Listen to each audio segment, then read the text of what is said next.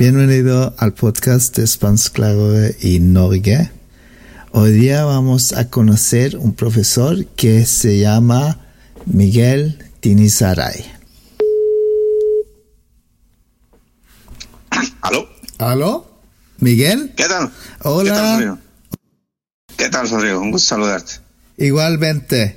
Eh, bienvenido al podcast, eh, Miguel. Te llamas Miguel Tinisaray. Saray. Tinisaray. Sí, Tinisaray. Muy bien. ¿Quién eres tú? Ok, primeramente, Rodrigo, gracias por esta oportunidad que, que me das y poder hablar sobre mi experiencia en Noruega sobre, como profesor, ¿no? Eh, bueno, ¿quién soy yo, no? Fue la pregunta. ¿Sí? ¿Quién eres? Sí, yo soy, bueno, yo soy, me llamo Miguel Tinisaray, soy de los Andes, del sur de Ecuador. Eh, ya llevo como 16 años de enseñando, laborando como profesor de español, también en área de las matemáticas y arte. Ok. Eh, mi educación la hice en Ecuador, en, eh, en la Universidad Nacio- Nacional de Loja como docente en la especialidad de físico-matemáticas. Ah, ya. También me dedico al arte, eh, me gusta escribir. ¿Qué escribes? Eh, bueno, eh, el año pasado empecé, empecé a escribir reflexiones. Eh, más son conclusiones sobre observaciones eh, relacionadas a la vida, cuestiones, por ejemplo, que a veces uno se siente y se cuestiona, por ejemplo, qué es el universo, qué es, Ah. por qué es la existencia. Y también otro que estoy escribiendo es una narrativa más sobre eh, fantástica, es un, tema sobre que a mí me fascina mucho sobre eso la de, de la vida extraterrestre. Ah, Entonces, sí. eh, es una narración sobre una abducción en primera persona. Claro Ah. que nunca pasó ni nada, nada. No. Es solamente es una narración Ah, ficticia. ya. Qué bueno. Sí. Así que tú eres un, podemos decir que eres un filósofo, Filósofo, no, Sí. no, no tanto. ¿no? Me gusta pensar nomás. ya, ok. Muy bien. ¿Y, y tú has estado en Noruega 16 años? No, No. ya he vivido más de 20 años. Más pero de de 20. profesor ya más de 16 años. Ya, ok. ¿Y has- dónde has vivido en Noruega? Bueno, yo al principio cuando nos mudamos con mi esposa de Ecuador para acá, vivimos un, un tiempo en Oslo y luego nos mudamos a, a la- al municipio de Nannestad, Nannestad comuna, ¿Dónde está? Ok. cerca, del, cerca del aeropuerto. Ah, ya, muy bien. ¿Y, tu familia? Ya mi familia, mi esposa es de acá de Nannestad. ¿Sí? Eh, sí, tengo dos hijas, Frida y Freya, que están 19 y y 18 años. Ah, ya. ¿Hablan, hablan español? ¿Tus hijas? Eh, bueno, ellas entienden todo. Sí, Sí. entienden. Bueno, en el, en el Vidregona, porque en la escuela no tuvieron español, pero No. en el Vidregona tomaron español 1 y 2. Mm. Y bueno, yo desde que eran bebés solo has hablado en español. Ah, ya. Pero Ya. a mí no, nunca les presiono que me contesten. Pueden elegir inglés, Ya. español, noruego. O sea, para mí no. Lo importante es la comunicación. Muy bien. Así que desde chicas ellas eh, han hablado eh, español contigo. Sí. Ah, y bien. también entienden el español de España porque cuando hubo la crisis, creo que fue en el 2008, 2010, creo, de España, Sí. hubo una estampida migratoria de españoles Ah. a esta área. Entonces, este, mis amigos de, algún- de algunos españoles, entonces venían, nos visitaban, a veces nos reuníamos. Entonces, se familiarizaron con el acento Ah, ya. del, del español europeo. Ok. Muy bien. Eh, eh, tú eres artista y también profesor. ¿Puedes, ¿Puedes contar un poco sobre tu historia como artista? Eh, bueno, eh, yo hago arte desde que era, bueno, hago arte de, de una manera innata porque nací con esas habilidades, la vida, Dios, como quieran llamarle. Bueno, nosotros decimos viracocha o en, en escandinavio udin, me dio ese, me, me llenó con ese, con ese don, ¿no? Sí. Eh, entonces hago arte desde que era niño y hago, he hecho exposiciones en Ecuador, Perú y Estados Unidos. También viví un tiempo en Estados Ah, Unidos. sí. Y aquí en Noruega hago ex- exhibiciones de mi obra y trabajo en proyectos. También hago diseño gráfico, eh, hago arte digital, hacer, hacer diseño gráfico o arte digital. Ah. ¿Cómo me ha ayudado a mí dentro, de- dentro eh, bueno, hablando sobre las clases de español, porque en el arte diseño arte, bueno, hablando sobre, a mí me ha enseñado muy para conectarme con los estudiantes. Ah, ya. Esto, esto, me ha facilitado, digamos, una interacción, eh, o ha hecho fácil la interacción, o sea, o la conectividad con el estudiante. Eh, fácil, porque, por ejemplo, cuando están aburridos, unas dos primeras clases, yo digo, un alumno, ve, pasa acá, pasa, alguno necesita un modelo y lo dibujo en, en, la, en la, pizarra normal, ¿no? Con, con la tiza la lo dibujo, la dibujo y, y, eso hago en menos de un minuto. Entonces todo el mundo se queda sorprendido, ¿no? De un retrato de la rapidez. Sí. Pero eso lo hago para conectar, o sea, para poner, poder, eh, poder eh, hacer un estado, o sea, un state mental del, del estudiante. Sí. Primeramente causar un poquito de de empatía hacia mi persona. Ya. Entonces eso me facilita mucho la cognitividad. Y además también les digo, cada semestre les digo, el mejor del semestre va a tener un retrato gratis. Ah, ya, fantástico. Trabajo en dos, eh, en dos colegios secundarias medias en la ciudad de Yesai. Sí. De San Nurbi y Alergot. Alergot, ya, ok. ¿Y qué te gusta más eh, de ser profesor español? Eh, para mí lo que más me gusta, digamos, cuando transmito la, esta cuestión de la cultura, sí, por nuestra manera de ser, eh, de ser latinoamericanos más abiertos, espontáneos, calurosos, expresivos. Sí. Eso rompe con la frialdad de la cultura o sociedad noruega, ah. nórdica, por ejemplo. Entonces eso me gusta mucho. Y segundo, porque así sea un granito de granito del lenguaje que aprendan de mí, me da mucha satisfacción. Y lo mejor, lo mejor que me he llenado de, cuando me encuentro a los años con mis ex estudiantes y algunos que hablan muy bien, me hablan en español. Eso. Y eso, eso me causa mucho, mucha ah. emoción, muchas ganas de continuar hasta que me ah. jubile, ¿no? Sí, muy bien. Y ¿qué piensas tú? Tú eres de Ecuador. ¿Qué, qué es lo más diferente del colegio noruego y tu país? ¿Puedes decir eh, algo? Bueno, actualmente yo no puedo decir nada porque estoy fuera del país desde hace muchos años. Sí. Pero de mis tiempos, de mis tiempos a estos tiempos, eh, cuando yo era profesor en Ecuador, hablo de los años 90, este, la diferencia mm, digamos, un poco más la disciplina, porque yo, yo sentía en el Ecuador que, que el sistema educativo me respaldaba, respaldaba al profesor. Claro. Acá, acá en Noruega a veces me siento como que el sistema está en contra de nosotros los profesores. Eso. Y que todo el poder tiene el alumno. Sí. Y eso como que a, veces me, me pone un poco inestable o nervioso, mejor dicho. Sí, y sucede más y más. Sí, entonces mm. como que yo y ni siquiera puedo alzar la voz a un estudiante porque de pronto se queja y llama a la mamá, mm. manda un mensaje y la mamá llama al rector y el rector ya me está esperando. Sí. Así tengo esa, esa pero yo, yo, yo nunca he recurrido al, al grito ni, ni a, la, mm. a, hablar mal a un estudiante, nunca, nunca, todos los años Gracias a Dios. Muy bien, muy bien. Eh, eh, ¿Cuál es quieres tú decir qué son, cuáles son tus mejores cualidades como profesor? Eh, eh, la tolerancia. La tolerancia. Mm. Y la empatía, porque yo soy una persona que mm, me conecto rápido con cualquier tipo de persona, no solamente con mis educandos.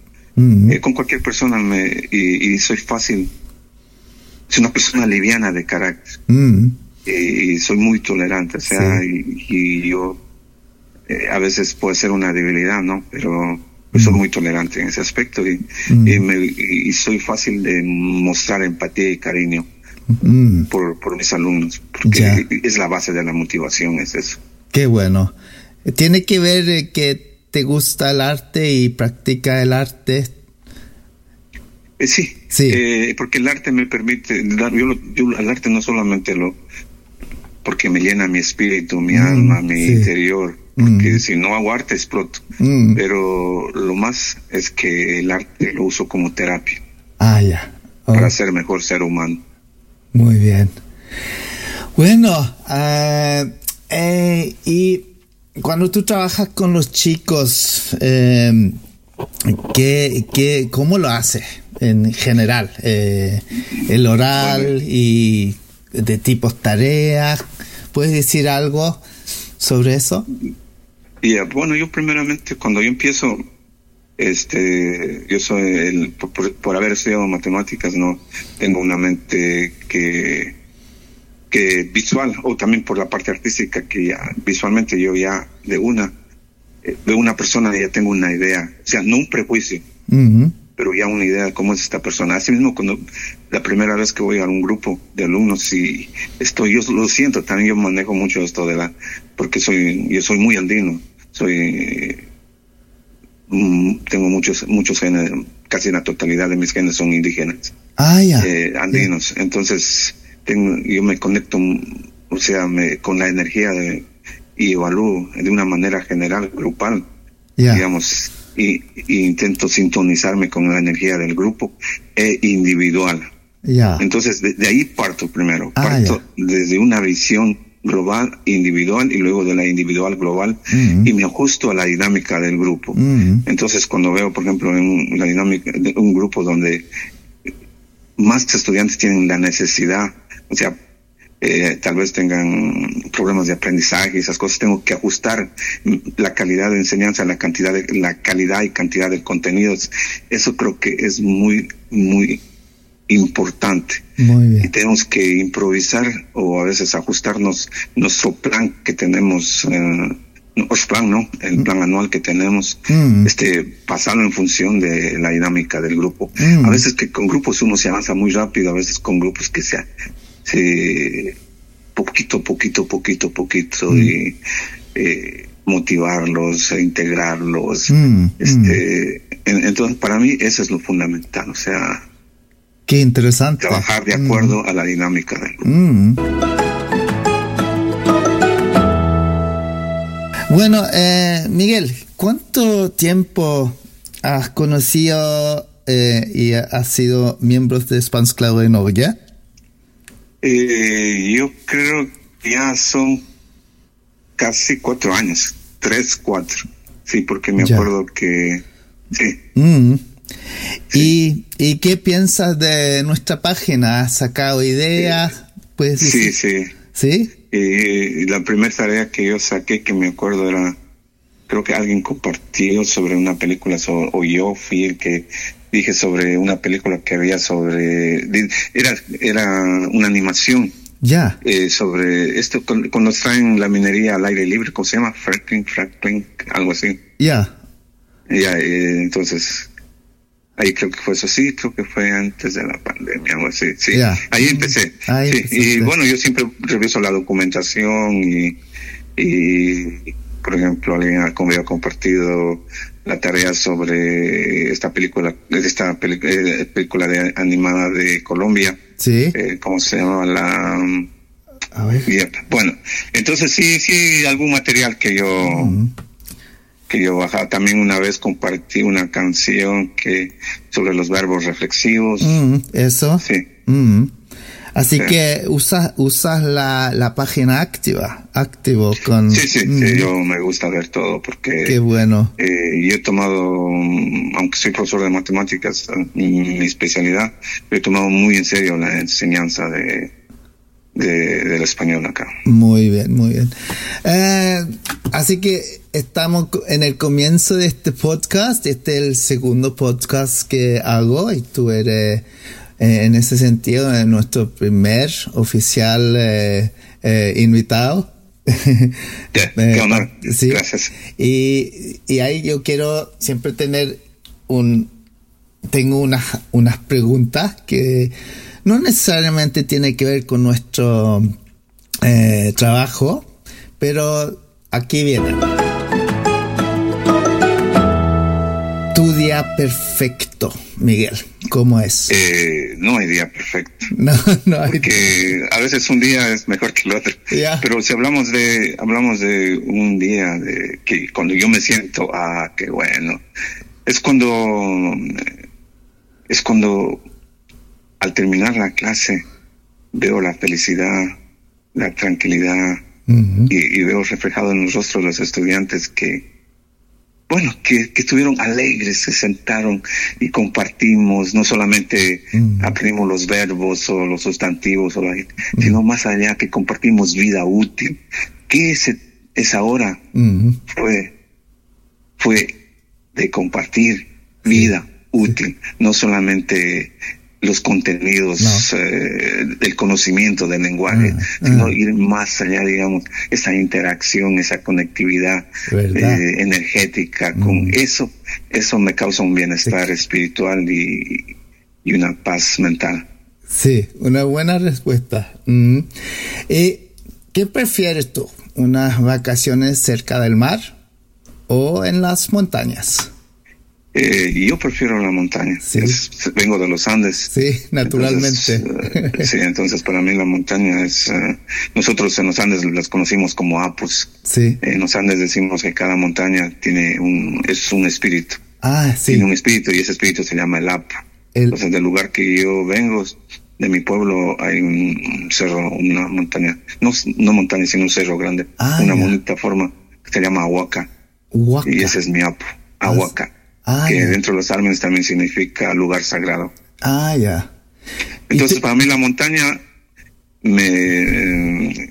Y, en los Andes, por ejemplo, cuando una persona se siente mal, deprimida, eh, no me gusta utilizar el término de, deprimido, cuando se siente bajoneado, energéticamente lo mejor es caminar. Ese es como un, camino un camino iniciático a través de de, la, del bosque, los animales, mm. los sonidos mm. del agua, del viento. Es como un viaje eh, donde uno vuelve a reiniciarse. Mm, eh, pero, ¿qué es lo mejor de la escuela noruega en general? piensas tú? Lo mejor, lo mejor para lo mejor de la escuela noruega es como, bueno, en esta área donde yo vivo, como programa. Son los maestros programando, o sea, que con esas alturas ya tienen casi programado todo el año, el siguiente año lectivo. Mm. Entonces eso para mí es lo que no pasaba en mi país en mis tiempos. Creo que ni pasa ahora.